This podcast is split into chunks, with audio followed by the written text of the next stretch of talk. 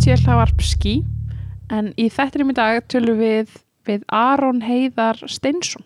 Já, við ætlum að ræða við hann um fjarskiptatækni og, og 5G kannski sérstaklega. Yes. uh, Við förum bara þannig að allir viti það hérna frá byrjun að við förum alls konar uh, þegar kemur að sko tæknilegu og svona yfirbors, meira svona yfirborspjalli í þessu, þannig að við förum aðeins svona í tæknina Já, en ekkert rosa lengi. Þannig að ef einhver dettur út þar þá er þetta ekkert rosa lengi sem við erum að, að tala um bylgjur og tíðni og eitthvað svo leiðis En bara eins og bylgjur að þá fyrir við svolítið svona upp og niður í hversu djúft við tölum um þetta. Einmitt, einmitt, vá þetta var svaka hérna, þetta var svaka líking hjá þér. Takk fyrir, takk fyrir. Sínus og kósinus. Einmitt, en við hérna við ræðum við Aronum um hérna hvað hva hann gerir og hérna hver hann er og, og svo fyrir við bara að tala um G-tekninar 1G, 2G og, og fleira. Gen, 1 upp í 5 Einmitt, og hérna svo bara allar er hann aðeins að útskýra fyrir okkur bara hvernig í óskubunum er hægt að senda upplýsingar í gegnum einhverja bylgjur. Mm og við tölum aðeins um það og við djúum okkur aðeins svona í fræðilega þar en Já. eru svo snögg að koma upp úr því aftur. Algjörlega. Og fyrir maður út í bara hérna aðra tegundir. Mm Þetta er náttúrulega allt sama neti en það bara mismandi hvernig það er sendt á milli. Einmitt, og fyrir hvað netið er þannig að við ræðum það aðeins. Wi-Fi, einmitt. 4G, 5G ljósnet, ljósleðari tölum aðeins um hvernig það er. Einmitt, við og hver er ræðum, munurinn á þessu? ræðum bara alls konar net. Og svo tölum við svona spyrjum við hana nokkrum svona kannski hérna uh, já, hérna svona ekki fræðilegum spurningum heldur uh, uh, svona heimsbyggilegum Já, svo spurjum hann líka að nokkrum svona heimsbyggilegum pælingum og spurningum varandi bara hérna hvort það sé gott fyrir okkur að vera alltaf í netsamatti og, og hérna tölum að þessum hættur 5G já og svo fyrir við líka bara akkurat í þetta klassíska hvernig 5G er hvernig það virkar mm -hmm. og svona aðrar tegundir af neti Starlink og alls konar á sæstrengi ræðum við aðeins sem var svona áhugavert. Þeir eru vist ekki í sig hver áttina. Einmitt. Þannig að bara gera þessu vel Góðan dag, kæru hlustendur og velkomin í auðvitað hlaðvarp Skífi heilsum ykkur hér á þessum bjarta og fagra uh, miðvöku degi uh, Með okkur í dag er góðu gestur og ætlar að spjalla við okkur um uh, fjarskiptatækni og já, jafnvel helst 5G, er það ekki Kristina? Jú, heldur betur. Og þau sem hlustuðu á ut svarið. Utsvarið, ut svarið vita hvað 5G stendur fyrir. Heldur betur. Það var spurning hjá okkur Hvað stendur G eða í 5G fyrir? Getur þú sagt okkur það? Er- Nei, við ég veit ekki það. Nei, það er- er Generation. Generation er, Fifth Generation. Það er eitt stig á gestin okkar í dag sem er Aron Heiðar Steinsson. Takk fyrir að vera með okkur. Já, takk fyrir það. Við ætlum hérna að ræða við um, um fjarskipti og já eins og ég segi svolítið 5G sem hefur verið, hvað getur við sagt á milli tannan og fólki í svolítið langan tíma. Já, Um, ótrúlega margir sem hafa skoðanir á því. Mm en kannski veit ekki endilega hvað þýðir að gerir. Nei, einmitt. Einmitt. en það er aðna Er það ekki svolítið Mhm. dæmigert fyrir Íslandingin að hafa skoðanir á hlutum sem hérna vita ekkit endilega mikið um? Jú, almennt. til þess að gera sér upp eitthvað spjall í pottinum sko, er svona það sem ég mynda mér. Já, þetta er svona eitthvað sem við sjáum ekki. Er eitthvað, og þetta er eitthvað sem við getum ekki haldið á Einmitt. eða þreifað á. Einmitt. þá er þetta allt búið að mysterious. Já, já, já, einmitt. Reyndar, og það hljómar líka hræðilega sko. það, er ekkit, það er ekkit eitthvað öðruvísi hægt að fara með það. En hérna, við skulum kannski ekki alveg dempa okkur þangast strax Nei, en við erum mjög spennt eins og þeir eru að tala um 5G einmitt, en hérna við kannski spurjum þig uh, Aron uh, hvað hérna gerir þú og, og hvað, við hvað vinnur þú og hver Já, ertu? já herðu, ég er hérna uh, ég er rafrætnamistari Mm og ramastæknifræðingur ok, og uh, útskrifaðist úr HR uh, sem ramastæknifræðingur Mhm. uh, ég starfa hjá Nova uh, sem uh, séni í fjarskiptum já ég ætla að hippa gúl hjá Nova sko. Já, já, ég er ekki verkfræðingur þar eða tærfræðingur, ég er bara séni í fjarskiptum og yfir mann minni DJ já, já, já. Auðvitað. það er bara svoleiðis Þetta er svolítið, þetta er nóvalegt sko, svona Já. Já, svona Ég myndi alveg segja það Já. skemmtistæðurinn Mhm. stóri einmitt, einmitt, þetta er skemmtilega heimi en uh, svo er ég líka að kenna í Háskóla Reykjavíkur og ég kenni þar fjarskiptakerfi einmitt.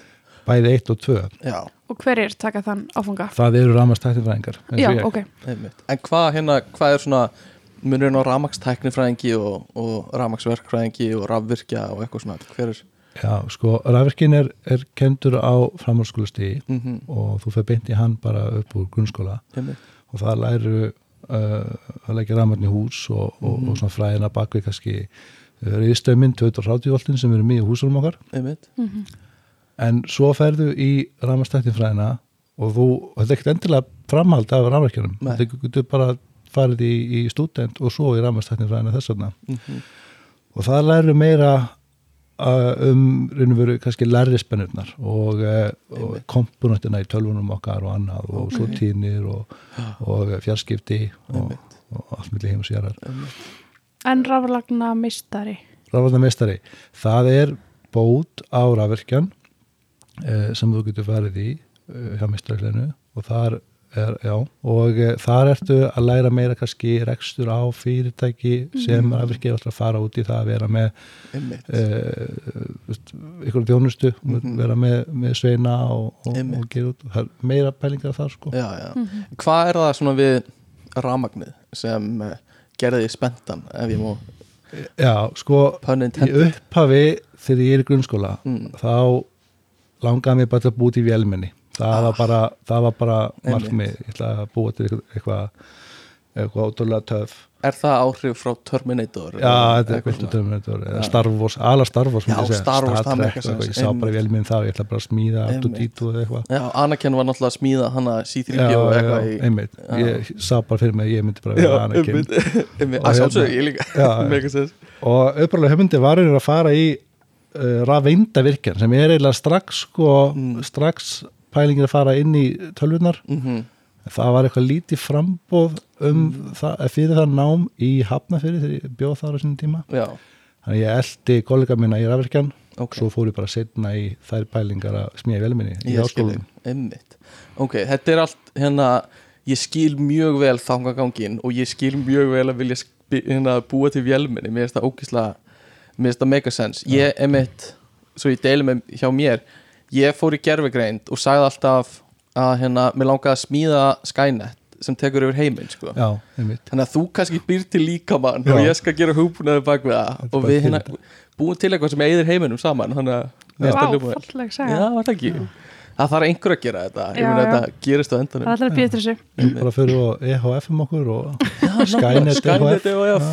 Þetta er örgulega ekki tekið á Ísland allavega þannig Nei. að uh, En hérna En hérna Egil Hvað getur þú sagt mér um það? Eh, Rekill menna Já, Rekill, herðu, já, hérna uh, fyrir árið síðan þá Mm. fórum við kollegarnir okkar í, í smá startup uh, þar sem að við erum aðeins að skoða IoT og þar kemur velmennin svolítið inn í, mm -hmm. kannski einföld velmenni Mm og fjarskiptin líka, Ok. af því að IoT er skamstöðum fyrir Internet of Things já og það er það er vera kannski svona næsta byltingin, fjórða innbyltingin jafnvel Mhm. uh, Mhm. uh, sem mun tengja allan okkar búna saman og láta hann tala saman Mhm. þannig að við þurfum raun og veru að hafa minni ítök í okkar hver staðstætt líf sko. þannig að við bara að tala um að við erum með einhverja uh, skinnjara og mótor og annað sem er allir tengdi við skýð Mhm. þeir vinna sína vinnu hér og þar. Þetta er mjög áhugavert svona koncept Já, og mér langar að dýfa okkur alveg tölvert onni það betur og eftir Já. Internet of Things uh, Svona það stakk mig aðeins að vera að segja að þetta væri fjóraða innbyltingin gerfi greindin og ofta já, svo að við förum í, hérna, í algjöran slag upp á þetta eftir. Já, Já, um endilega, gera það, Hérna- please. En uh, eigum við kannski bara að fara í hraðaspurningar? Já, fyrst erum við komin hingað. Endilega. Áður en við förum að hérna inn í alvöru stöf mm. Og uh, þú bara tæmir hugan svarar bara það fyrsta sem þetta er í huga ekkert rétt eða ránt og hérna þetta er bara svona aðeins til að gefa hlustendum tilfinningu fyrir hverða verð já til já, Ertu tilbúin?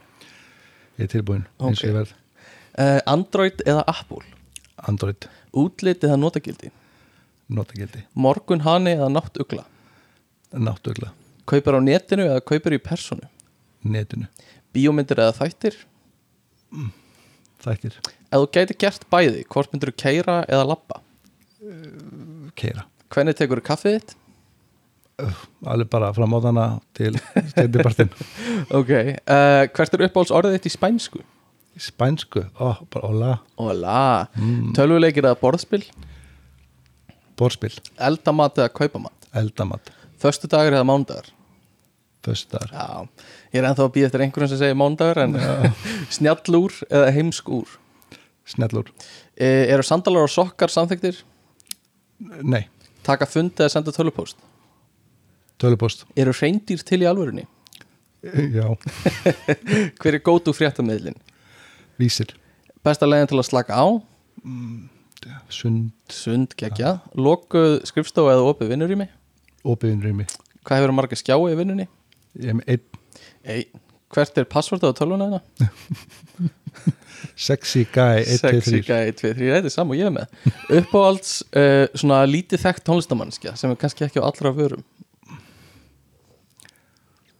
Lítið þekkt, áskiptusti Áskipturisti, þekktur. Það er bara Já, flott. Uh, Vinna á staðnum eða vinna heima? Á staðnum, Hvort myndir bara vinna eftirhátti eða bara fyrirhátti bara fyrir hátti Já, og síðasta hvort myndir ferðast 100 ár fram í tíman eða 1000 ár fram í tíman 100 ár mm já, Það er kannski svona samfélag sem er líkara okkar samfélag já, þúsund ár sko, ef við getum bara verið komið hringin Já, ummitt, ummitt Við erum búin að fara í gegnum steinaldina aftur Já. og eitthvað svona, og svona. það var eitthvað kvót sem ég lasti mann sko, hann, hvort það hefði ekki bara verið Einstein eða eitthvað, hann Mm. sagði I don't know with what weapons World War 3 will be fought with but Mhm. World War 4 will be fought with sticks and stones. Já, ummitt Að því þriðja heimstyrjaldar muni eða heiminum aftur Já. og, já, Og og endur það á bara núllpunkti. byrja upp á nýtt. Mm, Það er bara, þetta er mjög gott kvót sko. Já. Svona gott kvót líka til að hafa í kvótbankana þínum sem mannst þú getur kvóta þegar ég er bóðin í, í Já, ég myndi alveg segja það. Mm. um, Í það sitt í banka minn. Já, einmitt. Ég, eh, ég er ekki með nógu mikið af svona góðum kvótum til að segja en ég er með ég er með kvót uh, í staðan fyrir newsfeedið mitt á Facebook þá fæ ég bara svona kvót Já, og það er alltaf sama kvótið frá Jóta. Já. og ég veit ekkert af hverju en það er do or do not, there is no try eða eitthvað, um, allavega G, tæknin, generation. Um, hvaða generation eru við? Y, X Millennials við erum millennials. Millennials. Ég held, ég held að við séum millennials. Já, Millennials, já, Já. Við erum, svo Ekki- ef, eftir okkur kæmi Generation C, C, er ekki? já, síðar eftir okkur. Við erum á einmitt, alveg mörkvæm einmitt. en þannig að við erum millennials og upplöðu við fi- G1 semast, í fjarskiptatekni. Hvað er, hvað erum við að tala um Já, hérna? 1G Já, 1G 1G sko, nei, 2G. ég held, að, ég held að við komum uh, inn í 2G 2G 2G já, sko ég man nú svona eftir því að að pappi var með svona símbóða Mhm. það er, myndi ég segja sko, myndi flokkast undir 1G Er einmitt það pager? já, Já, símbóði. Mjög gott er íslenskt gott. en, Mhm. en 2G, það er hérna já, það eru fyrstu, fyrstu farsímarnir og þeir voru alltaf stóru og klunalegir einmitt en maður, maður sá þá, ég man ekki eftir mikið eldra en það Nei, þetta var maður, vissi að það var alvör business maður ef hann labbaði með svona stóran hlung niður já, í gráum og víðum jakkafötum og hérna var að segja selja, selja, kaupa, kaupa, eitthvað svona. Já. uh, en eins og maður sá oft. Eins og maður sá oft.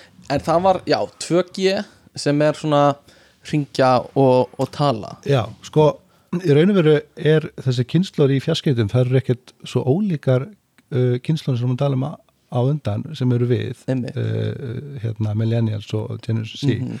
vegna þess að uh, 2G og 3G og 4G og 5G er ekki einhver ákveðin tækni Nei. sem er eitthvað fyrirfram skilkenn frá okkur um ákveðum framlega, framleganda og þess að heldur er, er, er þetta bara þegar ert með einhver þróun Mhm. í búnaði og hann hefur náð þeim mörgum Mhm. að þú þarfst að fara í að breyta uh, þú ert að fara að skipta úr búnaði og fara, fara í allslega breytingar á kerfninu einmitt. að þá er sagt að þú sér komið með næstu kynslu mm að fannst sem er kerfis -hmm.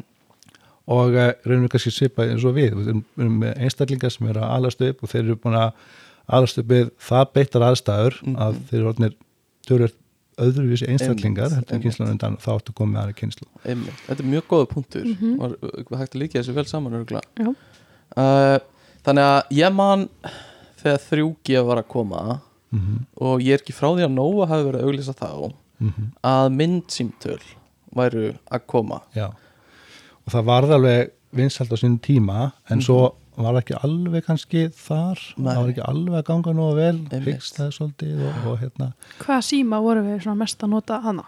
Þetta er í kringum kannski 2006, 7 já, kannski fyrsta iPhone-in eða eitthvað, Já, eitthvað sko, var að koma. Og hann var, hann var uh, 3G, ég man ekki hvort að það eitthvað komið fyrir ekki þá, ég er ekki alveg tíma ramana á hreinu, en, en, uh, en sko uh, ef þú sér á símanum hjá þér Mhm, uh, eð í toppinum þá er það, stendur það fyrir Edge Ok. Og það er 2G Menni, þetta er svona viðbúta 2G mm, og þá veistu að síminn er að nota bara 2G og hann hefur ekkert annað. Einmitt. Svo ertu komin með uh, annarkost stendur 3G á símaninum mm eða stendur H Já, eða H+, það er allt saman 3G þetta er bara mismunandi um, segja uh, aðferði sem síminn nota til þess að koma gögnunum yfir 3G einmitt. Uh, Og er það, sorry, er það net?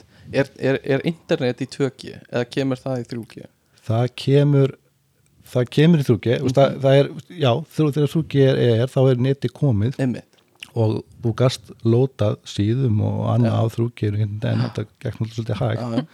og þú varst ekki að horfa á einhver þungu YouTube-vídeó Mhm, eh, á 3G-nu Einmitt. Og það er eiginlega 4G Mm. eða LTE eins og líka þekktundir Einmitt. Það sem að kannski leifði meiri uh, meiri nótkun á 4G og þá þarna á sama tíma þá er snjálfsíman að vera aðeins öfluri líka. Já við erum komið með þessa flottu snertiskjái Mhm. og við getum fara að brása og horta á vídeo Einmitt. í flottum Já, og þetta er það sem við höfum verið að kynnast síðust ár, það er 4G Já. ég man þegar þetta var að koma maður var svona, er þessi, er, er hann með 4G þessi nýji sími og eitthvað svona uh, en þetta er orðið bara standard í dag Mhm. einhvern veginn og þá erum við að koma í 5G Mhm. sem er nýja, flotta það er nýja flotta en Einmitt. í raun og veru þá er smá millisti þarna Mm. sem að sem að uh, alla, Nova kallaði uh, 4G plus Mhm.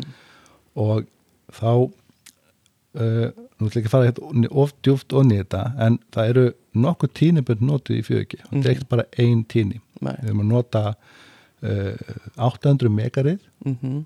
800 megarið Mhm. 201 gigarið eða 2100 megarið Mhm. og svo 2,6 var viðbótt þegar þetta 4,5G kom. Ok, eða 4G plus er og eh, og hérna og það var unnur svona þetta millistig og svo núna erum við að fá 5G inn. Einmitt.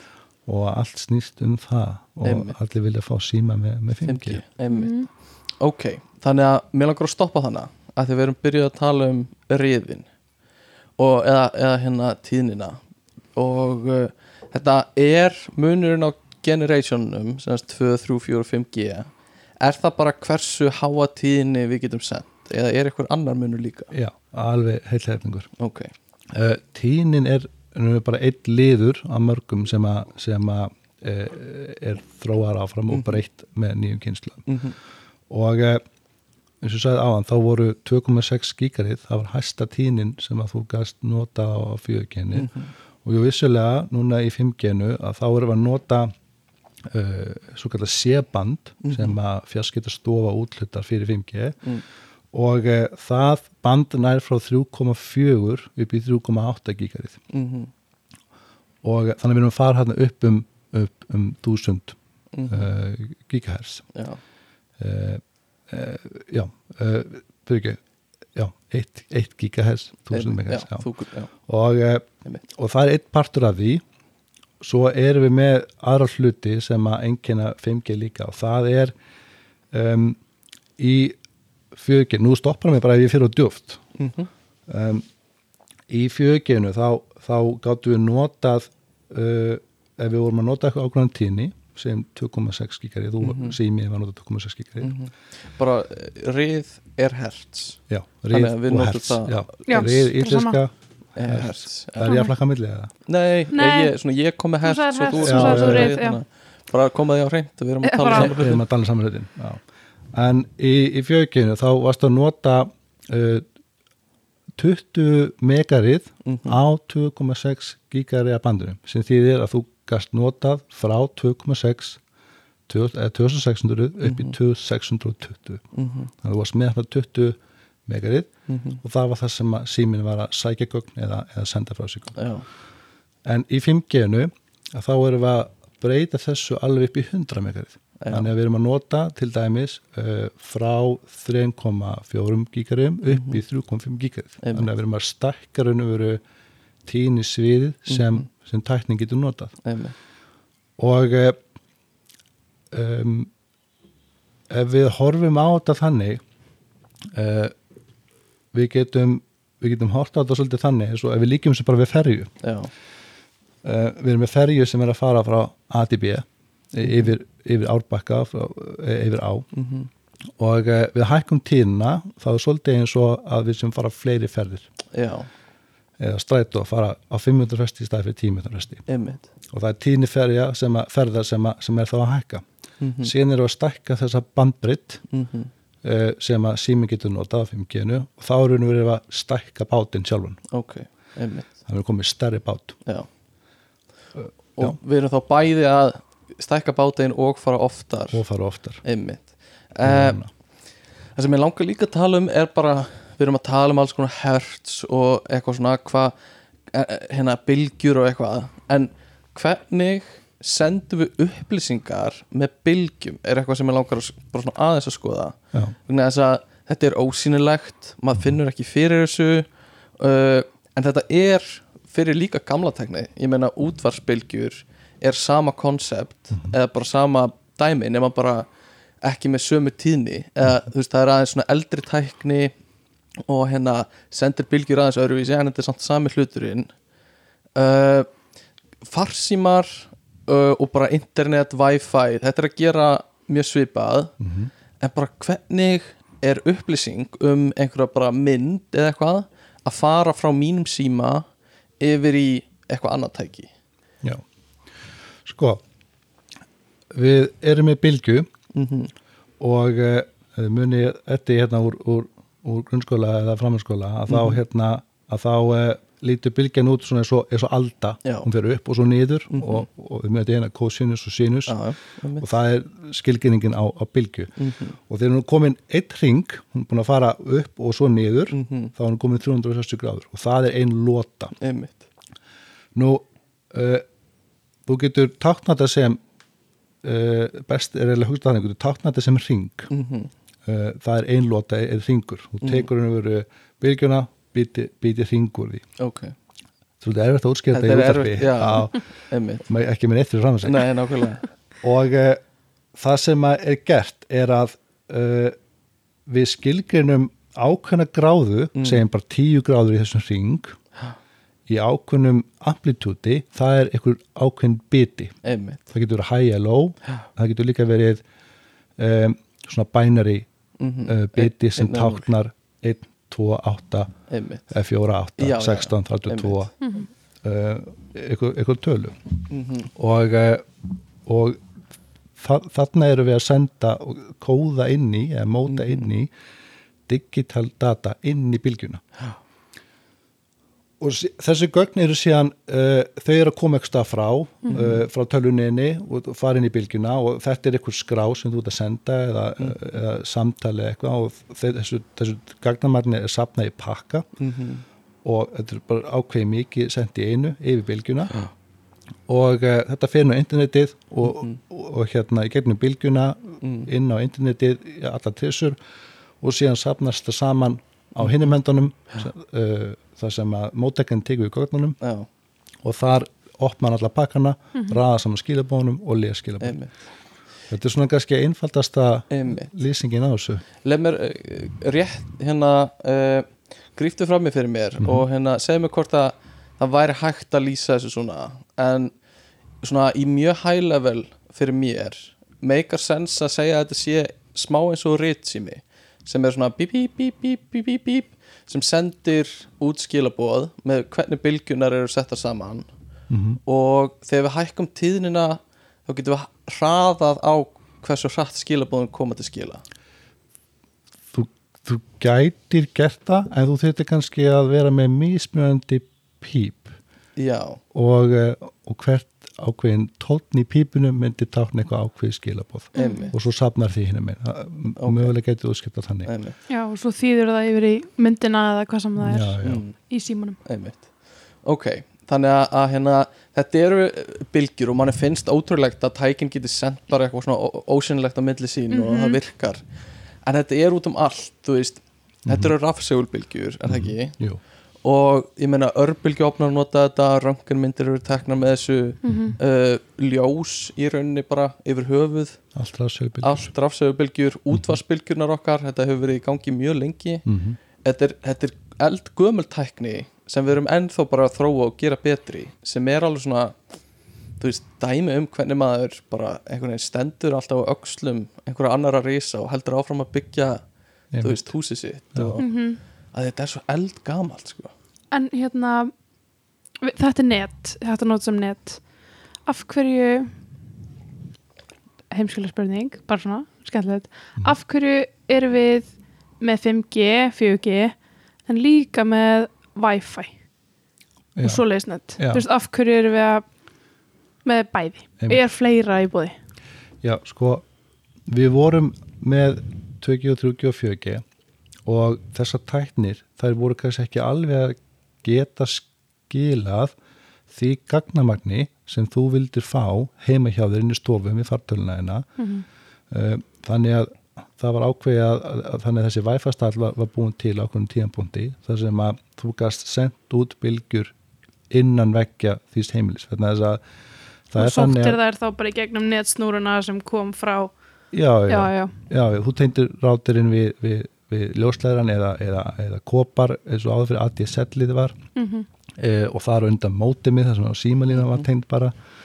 Og e, þannig hefur þetta þróast. Og e, það er um, það var sko bylgjurna þegar það farið gegnum steifta veggi og gler og annað þá deyfast það svolítið mikið það er mismöndi, ef upp með hæri tíðni þá deyfast það meira. Mm og, og, og þannig hefur Wi-Fi komið að góðan gagni en 5G uh, hugmyndin á bakvið 5G og svo mörgu öðru það er að uh, vera með fleiri senda og þá afl minni senda en geta þá verið með þá innan hús líka og raun og veru breyta þessu konsepti um, þannig að, að kannski minga þörfin fyrir Wi-Fi og þú getur bara verið með fartöluna inn á 5G og síman 5G og allt á 5G þetta verður eitt og sama kerfið. Einmitt. en það er reyndar ofta að koma í ljós. ok, en maður væri bara með áskrift að netinu já, allstaðar einmitt. Og, og Nova fór í smá pælinga með þetta og setti á skustofun sínum setti svona 5G senda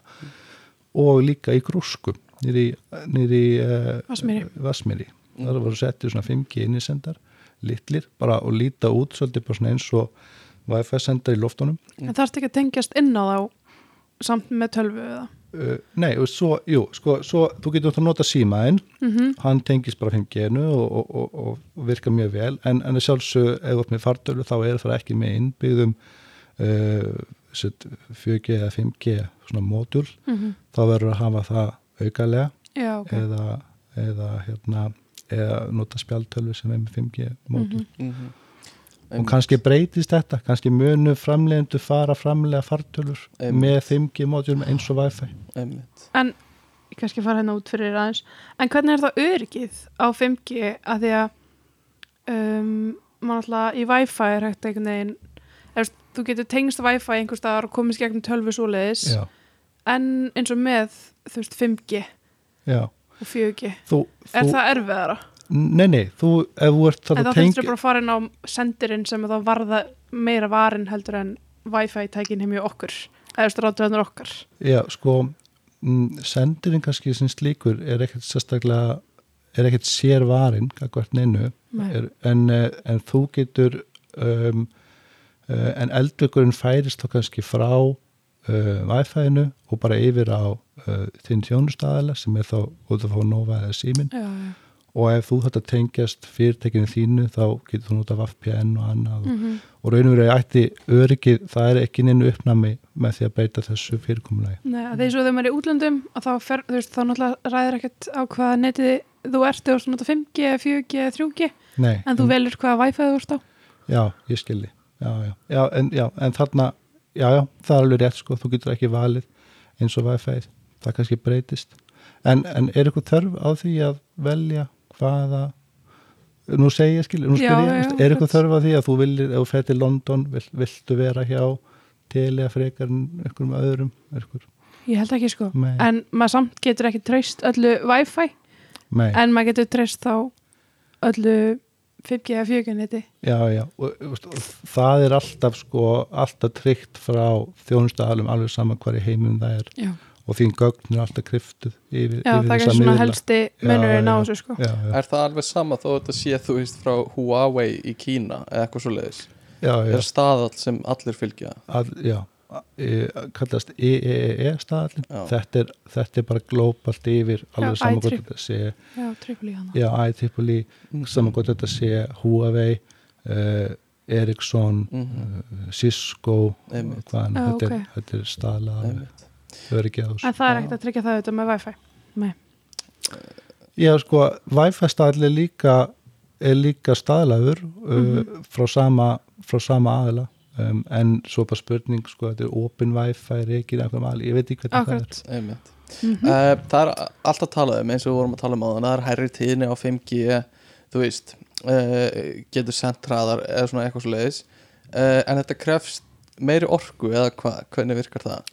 Það er ekki meiri orku til að senda hærri tíðni og hún dregur stittra. Jú, um, ef þú ætlar að vera með hærri tíðni og ná í aflant, þá þarfst að eða meira orku. Mm -hmm. uh, og uh, 5G sendarnir sem að verið að sitja við núna að þeir kannski eigða aðeins meira orku heldur en, heldur en hérna 4G sendarnir, af því þeir eru ekki þjættari heldur en 4G eins og er. Það er bara að vera að setja 5G senda það sem það eru 4G senda nú þegar. En svo kannski setja meir eins og við vorum að tala um grósku að þá förum við meira í því að setja kaupa og setja afliminni senda á inn í hús og jafnvel á ljósastöra uh, og inn í hverfi, á milli í gödum og svona, sem eru þá afli minni. En þeir eru þá fleiri, þannig Einmitt. kannski heilt yfir þá tegur þetta meira afl. Uh, tengt þessu er hérna við, við þur, þú veist, það er náttúrulega eitt að hafa sendana og senda upplýsingar en annað er að hafa tæki sem getur tekið á móti þeim og sendt í 5G líka sem þýðir að snjallsímanur okkar eru ornir með hvað öflöru senda og geta sendt á hærri tíðni frá sér þá líka. Já, sko, nei, ekkit endilega öfluri heldur bara önnur loftnett Ok. uh, þið getið séð á símanum hjá okkur. Þá eru oft þá eru ofta rásir ofan á símanum. Mhm. þetta eru svona aðeins, aðeins litabreitingi ekki mattari áferð er ofan. og á hliðunum. Þetta eru loftnettin á símanum. Mhm. og þú þarft að vera með sérstætt loftnett fyrir 5G Einmitt. og uh, og uh, símin uh, ef hann hann virka þannig að ef hann er í lélu sambandi frá sendi, saman hvort að það sé þrúki sendi, fjögi sendi, fengi sendi Mhm. þá þarf hann að eigða meira afli Ok. til þess að öskra á móti. Þetta er svolítið, Ah, já. þetta er svolítið svo, nú stöndum við hérna hlið við hlið, við Einmitt. þurfum ekkert eða mikill orku að tala saman, Nei, við getum bara að tala rólega. En ef ég stæði hinn minn í húsinu þá þurftum við báður að öskra svolítið á okkur Mm. og eiga þannig meira orku. Já, já, Þannig við- Gætum tekið setni parturinn af þættinum svoleiðis. Upp. Já, getum pröfað. Skemmtilegt.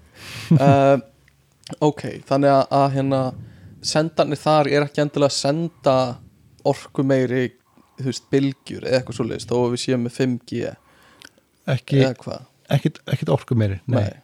bara öðruvísi. Öðruvísi og og það sem líka ég kom kannski ekki inn á áðan er að, er að 5G hefur einni umfram 4G er að inn í hverjum sendi sem er uh, svona ílangt stykki sem við sjáum upp á húsum annað mm.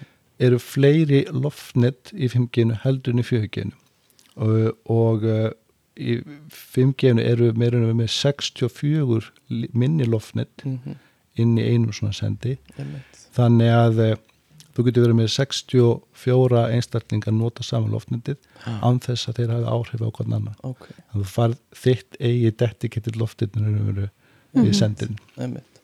Ég hef oft heyrt að svona, þetta miðist rosa mikið út frá vídeosamtölum. Að hérna þú veist, 3G kom og við heldum að við værum að fara að fá góð vídeosamtöl, Mhm. það var ekki þannig. Svo kom 4G, það var, heldum við að vera meiri bylting, það var ennþá eitthvað sem f- og svo er núna koma 5G uh, af hverju heldur við að, að, að það sé eitthvað sem er talað um að, að vídeosamtöl séu svona mikilvæg og, og hafa ekki mikið svona hérna, byð, tíma, latency og eitthvað svona hérna, já, er þetta bara er þetta næsta skref einhvern veginn í, í samskiptum eða hvað hefur skoðun á þessu? Sko, vídeosamtöl eru meira notu erlendis heldur en Íslandi Mhm. við Íslingan erum ekkit rosalega dugulega að ringja FaceTime og, og, og, og annað, við erum svolítið mikið bara í old fashioned mm Mhm. uh, venlegum síndölum og SMS SMS, Mm. ennþá nota SMS og hérna við, og Nova held að við myndum eh, leggja SMS af bara fyrir ykkur árum síðan en Einmitt. það er ennþá, ennþá nota í dag Mhm. Mér finnst mjög gáðan að SMS Mhm. þá svara allir eða færingir SMS nei, nei, nei, einmitt Mhm. Þetta kemur svolítið til með að sko, það var svo mikið samkeppni í Íslandi á sínum tíma Mm. þannig að, uh, þannig að hérna, verðin á SMS-in þau, þau voru mikið mun ódýri heldur en ellendis Já, já. og saman við símtölin Nova alltaf með frýtt Nova í Nova og það var, var rosa samkeppni sem þýtti að fyrir Íslandingi var ekkert svo dýrt að ringja og senda SMS Mm. en úti uh, erlendis það var það ennþá mjög dýrt samkeppnin var ekki jafn aggressiv þó, hún, Mhm. þó hún hafi nú klálega verið þannig að fólk fór meira út í það að nota Whatsapp og Messengerin Já, og já. i- iMessage og annað maður gerir ekki það sem er dýrt sko. Nei, og, og hérna og þá uh, nýtti þetta fólk sér betur uh, myndsýmtölin en, en uh, ekki það sko við gátum að við hringt myndsýmtöl Einmitt. með þrúki en gæðin voru alveg hræðileg Já. við vorum að senda þetta hérna 256 pixlum eða eitthvað Einmitt. þannig að alla, átt að á því hvað, við hvernig varst að tala og svo ekst uh, gæðin í myndbandinu Mhm. og, uh, og tæknin fylgir eftir hún er reyna að annars eftirspurn Einmitt. sem er að því að allt í einu vildur að fá 720 pixla svona HD reddi myndband og svo vildur að fá 1080 HD og svo allt í einu 4K núna og þá er 5G bara að reyna að koma Einmitt. og annað þessari eftirspurn sem er að þú vilt geta hringt í einhvern eða horta á vídeo á netinu upp á hvaðandra snúki 4K Já, skilur einmitt. Og uh, 5G er þar komin til svona annað því. Ég man einmitt að það var uh, ég þekki uh, mannskjur sem eru tengt inn í sko döff heiminn sem hei, heyrnalaus og heyrnaskert og já, svona. Já, og það var eitthvað svona, það er bylting núna þegar þeir ekki að komið að geta tekið og tala í gegnum símanna sko. Já, uh, en, en ég held að hafi tekið aðeins lengri tíma til að komast inn til þess að vera hægt að nota það fyrir einhver alvöru út af bara gæðum og, já og bara svona að, hérna, að fleiri séu konu með síma sem, sem þetta virkar fyrir Mhm.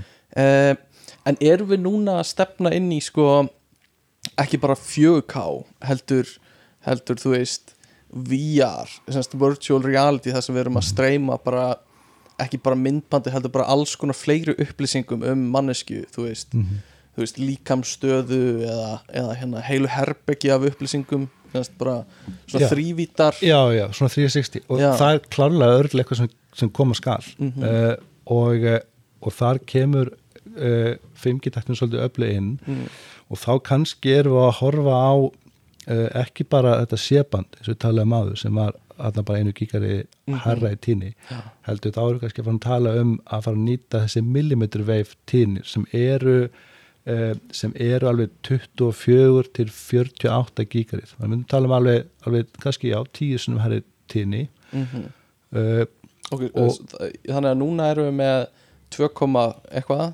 Já, Eitthvað svoleiðis. 3,4, 3,5 á 5G já. Einmitt en svo er til uh, þessi stað sem er þessi millimetri veif það er dörð herritinni Einmitt. sem að 5G getur nýtt sér og, og, og, og það mun líklegast að vera notað kannski fyrir ykkur svona event þar svo út með Mm. alveg fleiri hundru ekki þúsund, tíu þúsund manns samankomin Já. og þú ert að dreifa álægina á allt þetta fólk og allt þetta fólk vil geta tekið upp og streymt í Einmitt, ykkur einmitt. 4K eða Einmitt. 2080 Á tónleikum. já, á tónleikum hjá. Ariana Grande og allir að taka sama myndbandið og bara já, já, allir að sjá þetta og, og, hérna, og, það, og svo kemur eitthvað þarna, og hann vil taka upp í því sýsti, hann er mikla mynda vel einmitt. síman og eitthvað og hann ætla að streyma þetta bara svona 360 Mhm. live VR-vídeó eitthvað að hann sem að frendin heima í stofi getur bara komið á Mhm. völlin og, og horta tólingana kannski með VR glerugu sín og bara líður eins og hann sé þar já, já, hljóma mjög, það er svolítið töff sko. Mhm. þú þarf svolítið gagnavall til þess að streyma því. nefnilega.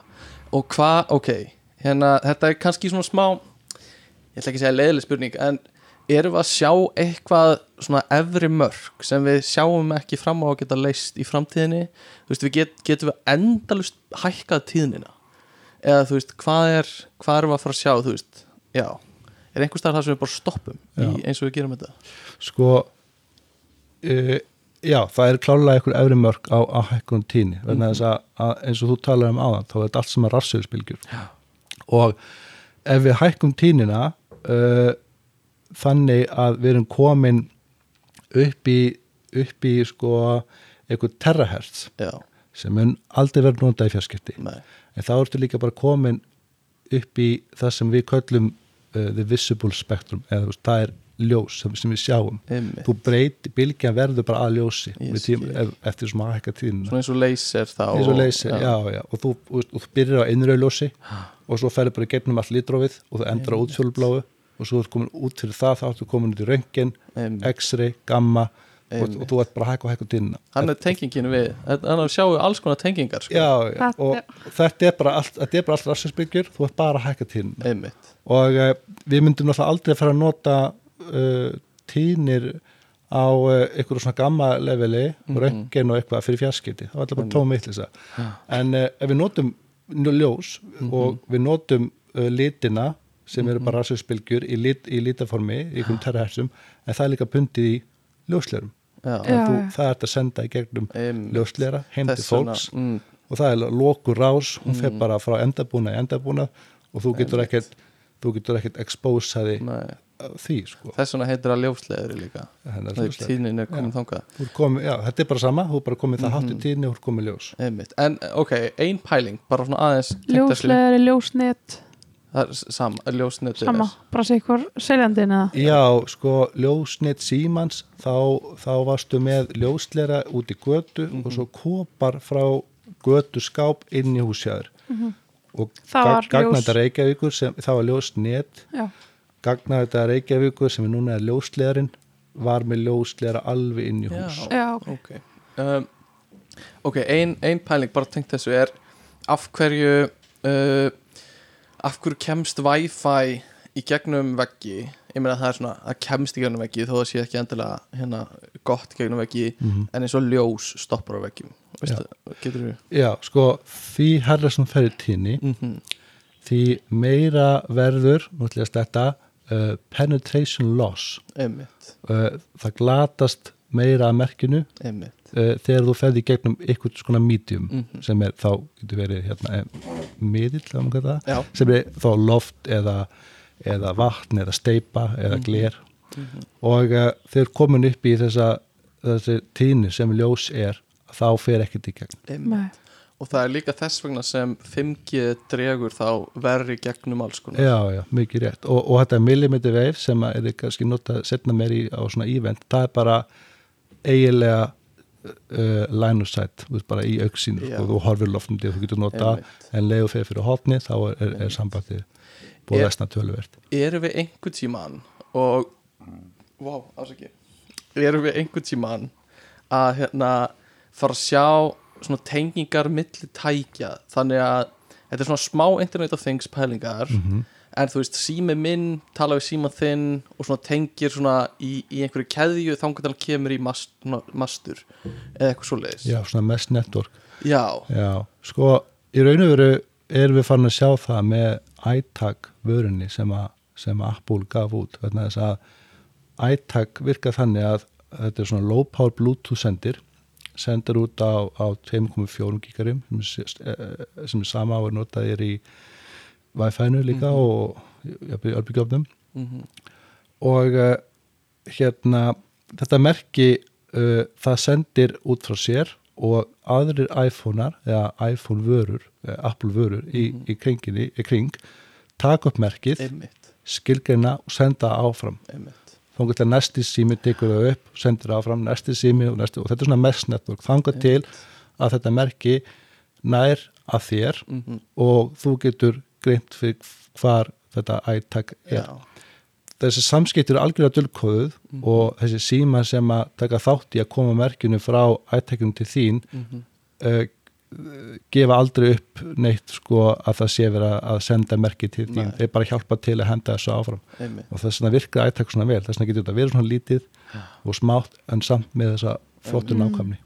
Ég bara hugsa líka að því bara svona hvernig náum við að kofvera allt skilur að því eins og vorum að tala um að þegar við erum komin svolítið hátt upp þá, þá eru veggir og alls konar að stoppa svo mikið hjá okkur já, einmitt. þurfum við bara að vera með í hverju herbyggi senda eða í framtíðinni eða, hva, eða bara lægri tíðni sem er að kofra stórt svæði og svo já, sko fjögi notar læri tíðnir Mhm. oft kalla lándætt fjögi það er þessi 800 megarið sem ég talaði um áður Já. og það er oft notat á landi uh, Einmitt. uh, oft fyrir þjóðvegin svona þjóðvega reiki Já. þau senda þessi 800 megarið fyrir fjögi uh, veð frá þjóðveginum mm, þetta er, þú getur ekkert notað þetta fyrir mikla bandvít eða mikið, Mhm. mikið, þú getur ekki að horfa YouTube kannski í 4K á þessu Mm. eða þú getur gert hellinga á þessu einmitt. og það er hugsað fyrir að komast inn í byggingar, inn onni Já. kjallara og líka til að ná langa vegalendir Mhm. um, en ef þú ætlar að fá uh, sambönd sem eru uh, þannig að þú getur notaði fyrir uh, gagnafreg uh, Mhm. gagnafrega notkun að þá erum við held ég að horfa á fleiri minni senda einmitt. Og, uh, og þess vegna uh, fóð til dæmis Nova á stað með þetta mest Wi-Fi network þar sem þú getur fengið Wi-Fi rátir svo getur þú keift svona lítinn kupp sem þú setur inn í hjónarherbyggi og hann tekur merki frá Wi-Fi rátum úti og hann, hann magnar það upp í hjónarherbyggi og þú getur verið með nokkra svona um, um heimili Já, einmitt. út af þessu vandamáli Já, já, já.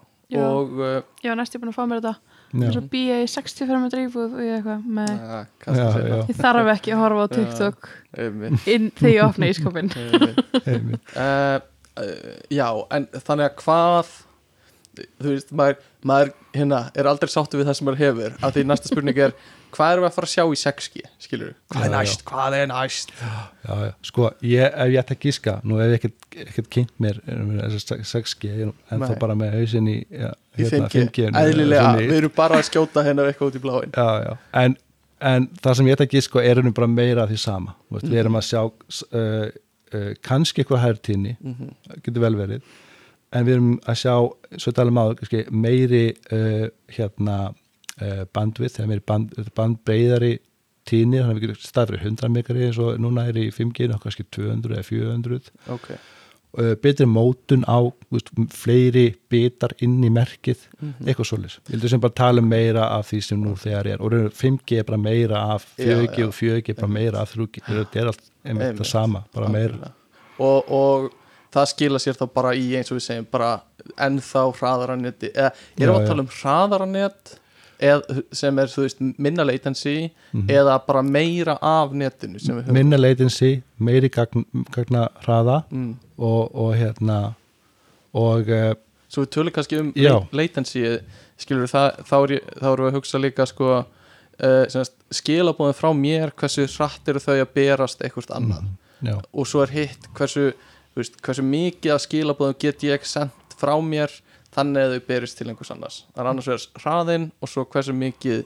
Já, og uh, þetta til dæmis bara eh, eins og ég tek oft upp hlaðvarp í gegnum netið við mannesku sem er í öðru landi. Já. hef gert það. Já, og það virkar bara mjög vel Mhm. en það er ennþá pínu stundum smá svona Til- delay. Töf, já, töf.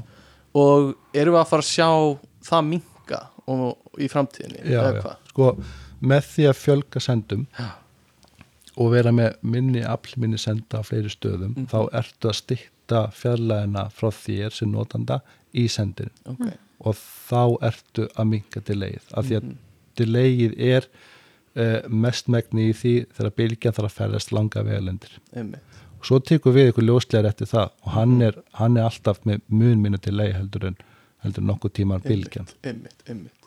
og uh, en hérna annað er það er, veit, þú kannski hefur ekki kynntur þetta en það er sko tölvuleikja svona streaming. Og þá er ég ekki að tala um myndbönd af því heldur að spila tölvuleiki þar sem tölvuleikurinn sjálfur er stattur einhvers þar í bandaríkjunum Mhm. eða eitthvað svo leiðis þannig að þú getur spilað bara stærstu og bestu tölvuleikina á símaskjáin eða, eða iPadin eða eitthvað. Uh, en hann er að keira einhvers staðar annar staðar. Þannig að hann þarf að stríma öllu fram og tilbaka Mhm. Þegar þú nota fjastringun og eitthvað svo leiðis uh, væri, er þetta að fara að verða betra því latency hefur verið vandamál hér í á, þessu Ísland, á Íslandi Já, sérstaklega, já. vegna þess að við búum að eigi á Já. Ballahafinu Einmitt. málið það að þegar þú ert að spila tölvuleik sem veru uh, kannski sérstaklega þegar þú ert að gera það í símanum Mhm. og ætla að nota svona skýja Einmitt. þjónustu til að spila töluleikina á að þá, einmitt, þarf þú að senda uh, bóð um það að kallið þinn eigi að fara til hægri eða vinstri Mhm. og það fyrir gegnum uh, það fyrir gegnum 4G eða 5G Já. á sendirinn og hann kemur þessu bóð með gegnum ljósleira inn í uh, inn í gagnaver hjá, hjá uh, þínum uh, internetþjónustu aðala Mhm. og þaðan fara gögnin í gegnum uh, það er tvei sæstrengir aðeins sem notar Íslandi, það er Fares og Danes Anna fyrir Færæja og áfram til London og Danes fyrir til, Danmarkur og áfram þar. Og þar inn í til London, Kaupmannhafn annað sem eru svona stórar, stór gagnaver Mhm. sem jafnvel hýsa marga tölvuleiki. Mhm. oft eru velur server í tölvuleik þá velur East Europe eitthvað, þá eru þessir eða West Europe, þá eru þessi tölvuleiki hýstir þar og þá er með vinna delay Já. En svo það að nota eitthvað tölvuleik sem er hýstir í bandaríkjunum, þá þarf hann að fara frá þessu gagnaveri síðan áfram. Getur sæsteng allir til bandaríkjana og það er gagnaver, þá bætur ennþá með meira delay allir eða þangað.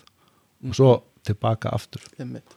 en þetta er samt þú veist, maður er að kvarta, en þetta er samt svo magnað að því þetta er að gerast á sko undir hálfur sekundu í rauninni, já, já, 60 millisekund þetta er einmitt. 0,06 Já, það sem er bara fáránlegt að já, maður situr heim í stofu og er að tala við einhvern einhver svona, einhver tölvu í bandaríkunum Já. sem er að gefa manni eitthvað þetta er bara, þú veist, og maður er eitthvað þetta er allt og lengi, þetta er ekki nógu snögt eitthvað svona. um, en, En þetta gæti aðeins lagast uh, með, uh, núna er fyrirtæki Faræs, uh, fyrirtæki hérna heima sem heitir Faræs, mm, sem, sem á þessa tvo sæstriki, Mm. Danes og Faræs, en er að leggja núna annars steng sem heitir Íris. Ok, og gíska hva, hvert hann fer. bandaríkin Nei, Ah. Ísland Faræs fyrir Færiða, Danes fyrir Danmarkur, Íris fyrir. Írlands. ah, og svo það áfram og hann er stittri og nýrri Ok, öflöri og ok. það gæti haft jákvæð áhrif fyrir Mm. töluleika spilindur er hérna heima eitthvað hættulegt að hafa enga fyrirtæki sem á sæstængina bara, Já, sko, uh, Íslenska ríkið kom inn í þetta fyrirtæki og það er, það er nú veit ég hvort það sé að ríkisegi í dag alveg að fullu ok, eða ekki, en það byrja sem engar ekki fyrirtæki, Áhugavert. ég, held ég sé ekki að rugla. Ok. Og mér minni að Íslenska ríkið að hugsa að hann kannski ekki alveg í lægi að, að samskipti við landið sé getnum enga fyrirtæki mér minni að, að sagan sé þannig, ég þetta ekki að fullera Nei, þetta var, þetta er líka ótrúlega svona, kannski segja creepy, en smá svona ókvækjandi af því það er verið að tala um að rússar hefðu verið að sigla í kringum landið og eitthvað og fara sérstaklega það sem sæstrenginur okkar eru. Já, og bara ef það er köttað, skilur við þá er bara köttað á basically allt internetið okkar. Já. Og það þetta er bara, það myndi drepa eða þú veist, það verður bara, það verður ekki við getum alveg bara enda þetta þá. Ef við get ekki hort á þá- já, já, það Það er já, það hefur alltaf alveg myndi hafa mikil áhrif ef, Mm. ef hérna bæði sæstenginir eru tættinu sundur. Mhm. Og, eh, og hérna þetta var nú pínu ávikefni þegar gauðs hérna á, á, á hérna út af nesi við stöttu vegna þess að, að þar lá annars, annars strengurinn að uh, öðrum sæstegnum og ef það er farið, ef það klikka þá erum við bara með eitt streng Já. Eru þeir í sikk hvar áttina eða? já, þeir, já, annar fyrir til Færiða og hindi Danmarkur, þannig þeir fara á tvo staði í Evrópu Já, Já, en þeir fara en- ekki þetta er ekki sko þangað og hingað að Nei. Nei. Nei, okay. Þeir eru ekki í sikk hvar áttina? Nei. nei, til bandreikina þá. Já. Nei, já, nei, en það er samt eldri strengur sem heitir Greenland Connect hann fer til Grænlands og svo til bandreikana Mhm. hann er minna út af þetta, hann er gamall og, og það er einmitt mikil töfa á honum. Einmitt. og ofta klikka og svona. Ég skil. Uh, en, en tengt þessu og ég- hérna uh, veit ég hvort þú, þú hefur kynnt fyrir þetta eitthvað en, en Starlink já, sem Elon hérna vinnur okkar já, hefur verið eitthvað að pæli í. Uh, þetta er þá gerfinn þetta net sem hann uh, vill bjóða upp á.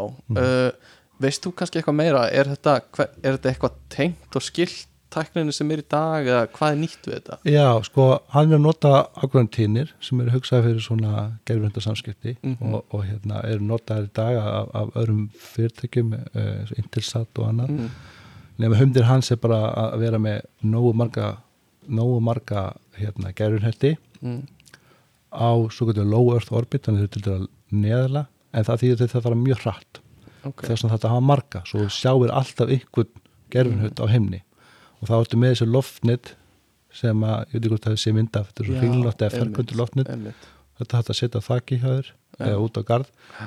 og, og tengi það inn og þar er væþaráttur og þá ertu komin með, með internet. Einmitt. Þannig að þetta horfir þá bara upp í gerfinettina já, já, og, og tekur, tekur við neti það já, sem, sem eru að fá neti frá Ameríku eitthvað og, Einmitt. og, þess það sko. Einmitt. og e, það er mjög áhvert að sjá hvað þetta, þessi dækni fer. E, þetta er verður kannski aðeins erfið að nota þetta á Íslandi af því við erum svo ofalega fyrir, Mm. við erum svo ofalega fyrir ofan miðbögg að það eru færri gerfinnettir svona já, já, já. og þetta er betra að nota þetta við miðbögg. Mm en, eh, en klárlega ef hann ef, ef, ef Starlink eða SpaceX eða eitthvað annað fyrirtæki kemur með eitthvað síma marka -hmm. farsíma sem getur nýtt sér þessa Já, tækni að þá, þá uh, mun hann alveg sína Apple og Samsung mikið aðhaldi í, í, Mhm. símaframlustu Einmitt. Uh, og hérna uh, ok ég, ég vil ekki að þetta sé sko triggerandi fyrir þig Já. en uh, hvað er máli með 5G og uh, hættunar sem fylgja því Já, einmitt Þetta er svona trigger warning já, þetta er trigger já, warning, já, já. sko. sko, er ég að fá krabba minn skilur já, er ég að drepa eitthvað eitthvað? oft verður þessa spurningu? já, sko ég, hérna, já, já, veist, hún kemur alltaf, alltaf á og til upp á Mhm. yfirborðið, uh, hvort þetta sé óholt fyrir Einmitt. og sko að að þú þú ert með eitthvað hlut sem þú sérð ekki og getur ekki haldið á eða þreifa á Mhm. uh, að þú sett pínu smegu við hann Mhm. um, en, uh, en það eru enga rannsóknir uh, það hafa verið gerða fylgta rannsóknum Mhm. en engin að þeim bendir til þess að þessa tíni sem notið er til fjarskipta að þó að séu að herri tíni fyrir 5G uh, hafi skali áhrif á líkamann en það eru tíni sem hafa vissulega skali áhrif á líkamann Já. og þá eru þær á starðagráðunni uh, herri Mhm.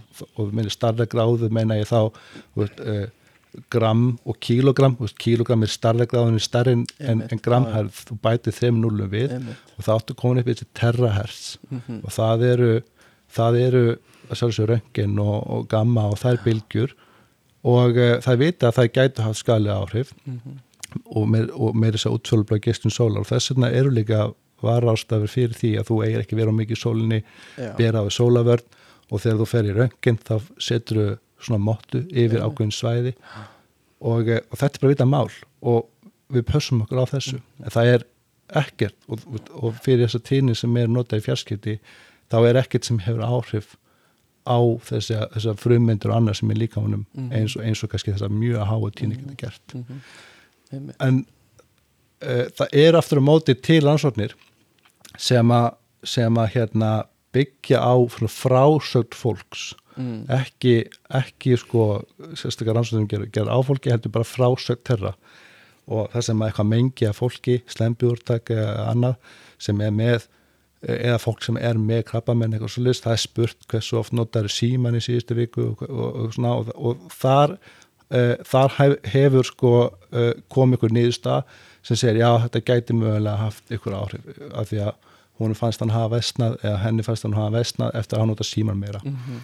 og, og á þessu og vegna þessa þá segir uh, WHO uh, World Health Organization að þessar, uh, þessi tækni sem notur í fjarskipta gæti hugsalega Mhm. valdi ykkur en það er engin sönnu fyrir því. Nei. Þeir, bara, þeir vilja hafa þarna af því að það eru svona frásagnir sem að engi getur sanna en svona mjög tilfallandi tilfallandi aðstæði samt sko. Já, já. Og oft eru, oft eru þessar rannstöður svolítið leiðandi líka sko. Að ég man ekki alveg hvað ég notaði Mhm. síma mikið, kannski tísunum kannski mjög það er líka eftir hvar þú varst og það er einhver annar í kringum við að nota þetta og svo framvegis Já, sko. Já. Já, það er alls konar í þessu og hérna, það er alveg þess verið að, að hafa augun opinn en, en bara gott líka að heyra að frá einhverjum sem hefur kynnt sér þetta vel að þú veist, það er ekkert sem bendir til þess Nei, og nei, engar allan ekkert vísindarlega séð en það hefur ekki stoppað fólk í alls konar samsliðskenningar já, já, og þú veist, þetta er allt frá því að þetta brjóti niður erðaefni yfir því að COVID sé komið frá 5G Já, og eitthvað svona sem ég bara, ég skil ekki Nei, nei. hvernig tengingin getur orðið. Um, en þetta hefur alltaf verið svona held ég. Þegar kemur ný tækni og sérstaklega einhver svona sem þú sérð ekki eins og þú varst að segja uh, þú veist, og fáir örbulgjófnar skilja sko. Já. já, og já, Og- eins og já, það, og eins, sko, eins og með örbyggjafna þeir eru uh, þeir bylgjur já, á sömu tíðni og Mhm. Wi-Fi uh, sem getur í fyrstu hljóma uh, ókveikandi Spooky, en, spooky, en við, get, en við þurfum að, átt okkur af því að örbyggjafn er að senda á okkur um 800 vöttum mm uh, upp, í, upp, í, upp í heilt kílóvatt þannig að aflið er það er henni herra heldur en það sem við erum að nota í farsímasendi sem er síðan einhverjum kílómetrum frá þér. Já, og uh, en við líka skerfum gleri eins og sjáum það er allt á glerinu örbyggjafnum mhm, þá er þetta net með svona doppum Já. sem við horfum í gegnum og, og götin á netinu uh, sem við horfum í gegnum þau eru minni heldur en bylgjulendin á 2,4 gigarjum sem því Ah. að bylgjan kemst ekki í gegn. Áhugavert, einmitt, það er svo og, töf og ég var hérna ekkert að kaupa mér örbulgjöf já, já, eins gott að mæla dópunar og passa séu já, en hérna, vá, áhugavert. Ok, bara eldsnögg pæling og hérna bara já, ekkert, ekkert láta það finnast eins og þurfur að svara þessu. Mhm. en hérna, segjum að ég sé með eitthvað sem ég líkar ekki vel við. Gæti ég sett hann fyrir framann 5G stöður og bara krankað upp þú veist, allt rafmagn? Nei. Og bara, og, og þannig að hann springi eins og í örbylgjum nei, alls ekki, Nei. alls ekki. Nei, aflið í þessu er aldrei aldrei sama eins og, eins og þú Mhm. ert með örbyggjafni nei. Örbyggjafni alltaf er mjög orkufrekur Mhm. og hann notar þess að hita upp eitthvað smá mat og það tekur þér að fyrir mínútur. Já, einmitt. Er, þú getur ekki Ok. hita upp matinn upp fyrir ráman Ég held áfram að leita einhverju, einhverju ekki þetta. Ekki þetta. Uh, Já. Uh, En já, uh, svo við höldum áfram. Örbylgjöfnar, símamöstur í gamla daga. Já, Ég meina það var bara bændur og, og hérna og borgin og voru bara í þú veist voru bara í við viljum ekki fá símamöstur Já, í sveitin okkar. Já, og ritsímin er bara nóg fyrir okkur sko. og hérna alls konar svona sem fólk hefur verið interneti líka, wifi líka hefur fengið, fólk hefur verið hrætt við allt svona sko. Einmitt uh, þannig að þetta er, þetta, er eðlilegt finnst mér. Já, já, þetta er eitthvað sem hún sér ekki. Já. og, þa- og það er bara, fólk er oft hrætt við það sem maður sér ekki. Einmitt. Þannig að, að hérna þú veist, maður getur gætt búist við þessu og, og en bara alltaf gott að innbrá því að það er ekkert sem bendir til þess. Ekkert vísindarlega hefur verið sínt fram á það uh, en, en bara fínt að vera vakandi og meðvitaður alltaf. Já, já, og alltaf bara fínt að kynna sér alla hliðar og, og, og sína bara skilning. Einmitt.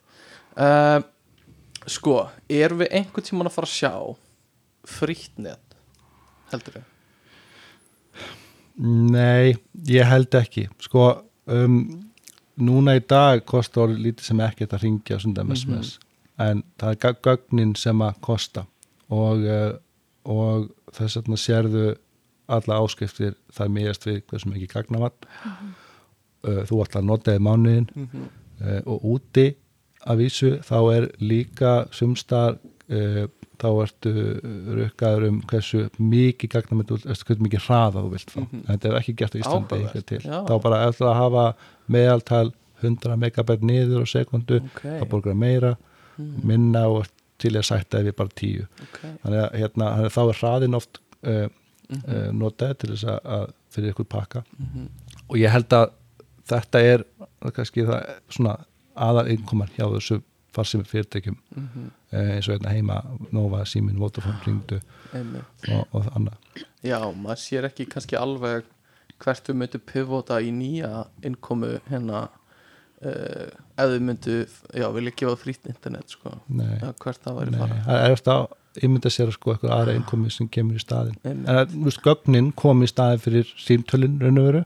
Mm um, og SMS-in Mhm. en ég veit ekki, kannski kemur eitthvað annað setna. Já, gæti og hefur gagnavagnið hækkað í verði eftir þróuninni á netinu eða sko, veist, gagn, er, ef við getum búið það saman þú veist, var dýrara að kaupa gagnavagn með 3, 3G heldur um 5G já, það var það uh, eftir sem tæknin hefur þróast og uh, fólk nota meira þá hefur hvert megabæt orðið ódýrara Já. Mhm. en þú samt vilt meira að því þú að við meira, þurfum, erum já, með betri gæði Já, þú ert er að horfa á vídeo í betri upplausn og þú ert að, Mhm. að hérna, streyma og eitthvað að gera Mhm. og þannig að þú þarft meira þannig að þú nota meira Mhm. þannig að þú kannski borgar meira Mhm. en þú ert að borga samt meira per bæti eða megabæti í dag.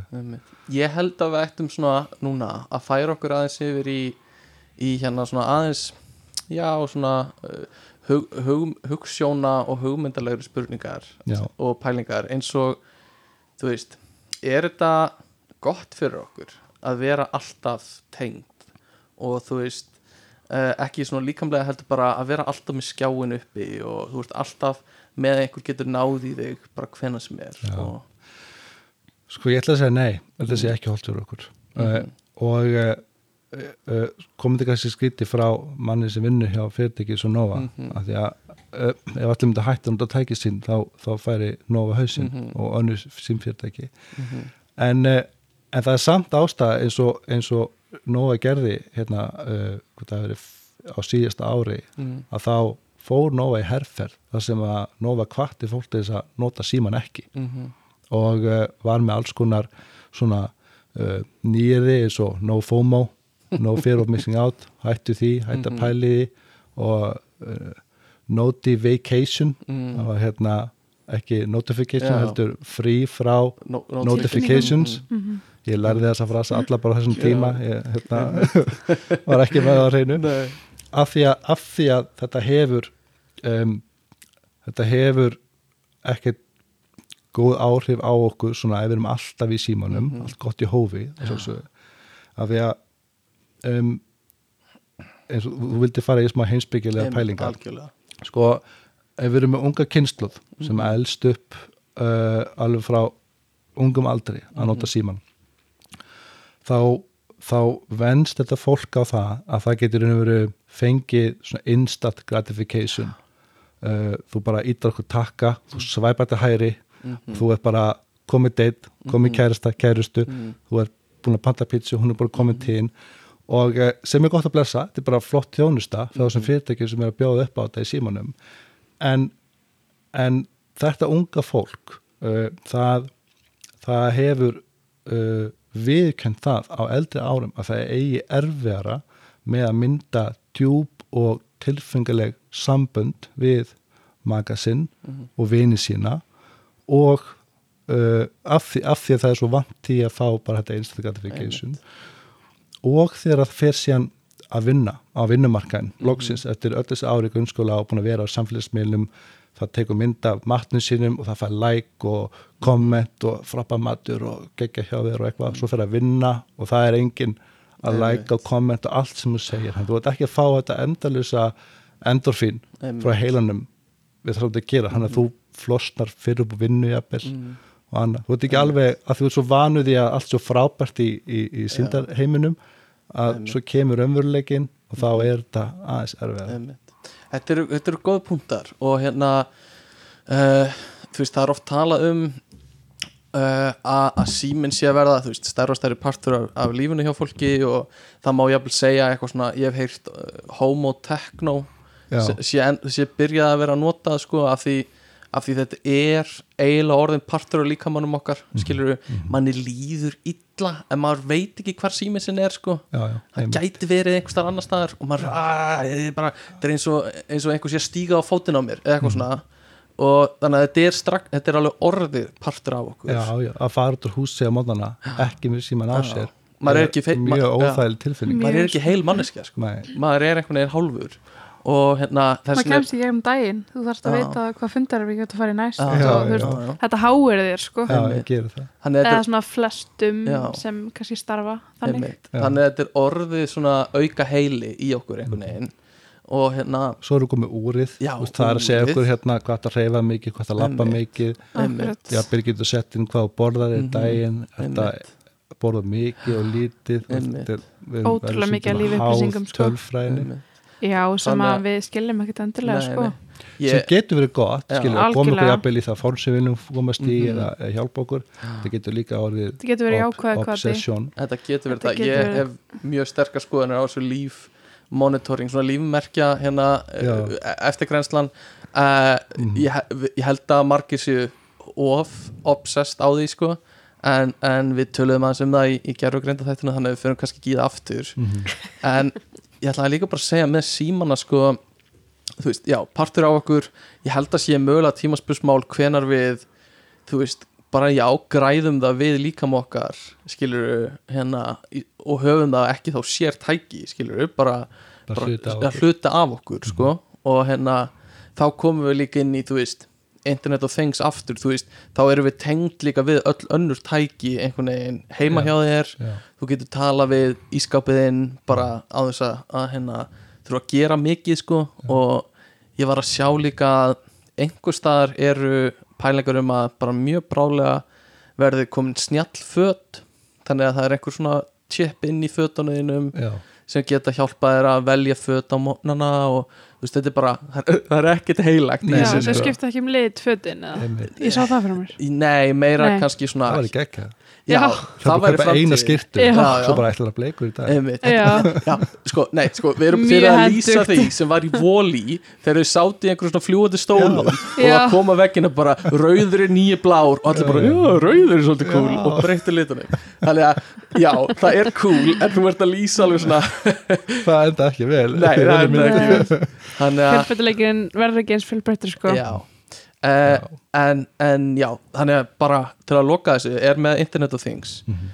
uh, 5G og, fram, og meira í framtíðinni er að hjálpa okkur rosa mikið í því. Já, en það þýðir að það er allt tengt. Já, og þetta er sko þetta er net í rauninni allra hluta eða svona innan gæðslappa allra. Þetta er, þú veist, símiðin uppþóttuviliðin, ískapuriðin klósettið þitt og alls konar já, já. Og svo Uh, kannski bara heita bóttur upp í bústað Já. Hítastíð út í einmitt, Bílinn bílinn, Einmitt. já, rafskuttlaðin Já. og já, sí, bít, já, einmitt já. Og, og hérna þetta er gott, veist, þetta, þetta getur verið mjög gott uh, en maður þarf einhvern veginn líka bara að hafa þú veist, augan á því sem skiptir máli sem er, þú veist, hamingjan og gott líf, skilur við já, og uh, maður má ekki einhvern veginn týnast í því sem er svona endorfin gildran í lækunum og svona, skilur við einmitt, einmitt. Að hérna, að hún er hættuleg. hún er hættuleg sko, Já. þannig að þetta getur allt verið þú veist, mm Við þurfum að- Samskiptin eru mjög breytt sko. Já og það, veist, það kemur bara drefa okkur kannski að síðast spurningun sem ég var að, að, að, að pæli er þú veist, helduru að samskipt okkar séu nánari núna en fyrir 20 árum og eða eftir 20 ár þá nánari í personu veist, að við sem að koma saman tala um, um bara, persónlega hluti. Já, bara, eða bara þú mátt tólka það eins og þú Við veist, þú náttúrulega veist tölum meira við fólk en Mhm. er það Við kostur töl- sko? Já, einmitt, Veistu, ég við að tölum meira um? um? fólk Mhm. og við fleiri Mhm, og við eigum mi- mun fleiri kunningja mhm, en færri vini. Já. Heldur þetta muni þróast þannig áfram? Já, ég hef ágjörði mhm, að uh, við munum eiga stóra kunningja hópa eins og Facebook, 100, 200, 300 manns það á engin 300 vini eða 1000 vini þú veist að það, hérna, þetta eru kunningjar og kannski mikið um típust að þau þessu eru sko vini mhm. Akkurat, svo er það rosa mikið líka. Þetta er, þetta er áhugavert að því þessi tækni hún á að hjálpa okkur og gerir það, hún hjálpar okkur að hafa samskipti og deila hugmyndum og upplifunum og, og bara hugsunum okkar með fólki. Um, en, en samt er eins og einhver hluti er ekki að koma með. Og þessi nánd og þú veist, það vantar eitthvað svona pínu upp á að, þetta, að gera það 100% sko. og sér þannig líka alltaf mannskjuna á bakvið skilabóðun sko? Hvernig henni virkilega líður sem þú getur í já, bara SMS sko, og skilabú hægt að tólka þau alla vegu Mhm. mannsker hinn með við borðið getur verið eða hinn með við skjáin að tala við getur verið rosalega happy og líði glada með daginn Mhm. sendir ykkur skilabóð þú ert í vondu skapi og þú lest það bara já, hvað er honum heila Einmitt, Veit- já, einmitt. Ef að hittast á eftir, já, já, til í það. Og hérna þú, já, já, vill hann ekki hitta mig? Eitthvað einmitt, svona. einmitt, og já, já. hinn manneskinn er bara, já, já, til í það. Eitthvað svona, er Já. bara mjög til í það þannig að það- týnist margt í, í, í þýningunni já, Lost in Translation. Innlagnin og, og týnist. Og þú getur líka ekkert en líka feikað samskiptin, Getur verið hress eða þú ert það ekki og svo öfugt sko. Mhm. já, uh, En ég held að, að þetta sé svona fínt að að fara að slá bátnin í dag. Uh, ef að hlustendur hafa hérna skoðanir tengt þessu að ég held að þetta sé geti brunnið á einhverjum, þá með að ég senda á okkur og við getum komið bara framfæri í einhverjum þætti senna ef að það er eitthvað. Já. Mér langar svolítið að svona fá hlustendur til að kannski interakta svolítið, það verður gaman, Já. fá hugmyndir frá þeim líka um, þannig að við meira en bara like á Instagram sko. Já, nákvæmlega, nákvæmlega. Mm. Uh, hérna, annars bara Aron, takk fyrir að koma til okkar Já, lítið takk mál. fyrir að gefa þið tíma í þetta Já, Eh, takk fyrir að fá mig. Já, ég var nú að spyrja, er eitthvað sem þú vilt koma framfæri, þú ert náttúrulega út í messunni þannig að en hún Já. verður auðvitað búin þegar við byrstum þetta það gæti verið gæti Já. verið þannig að þú stóðst þig ógísla vel já, Já, til já, hafa já. með fyrirlesuðin sem ættilega tilbúin Já, ég er tilbúin og, hérna, og það er náttúrulega um 5G líka og, og hérna kannski nánar um tæknina og, og sögu Nova, þegar nú er starfsmæður Nova einmitt, Mhm. í 5G.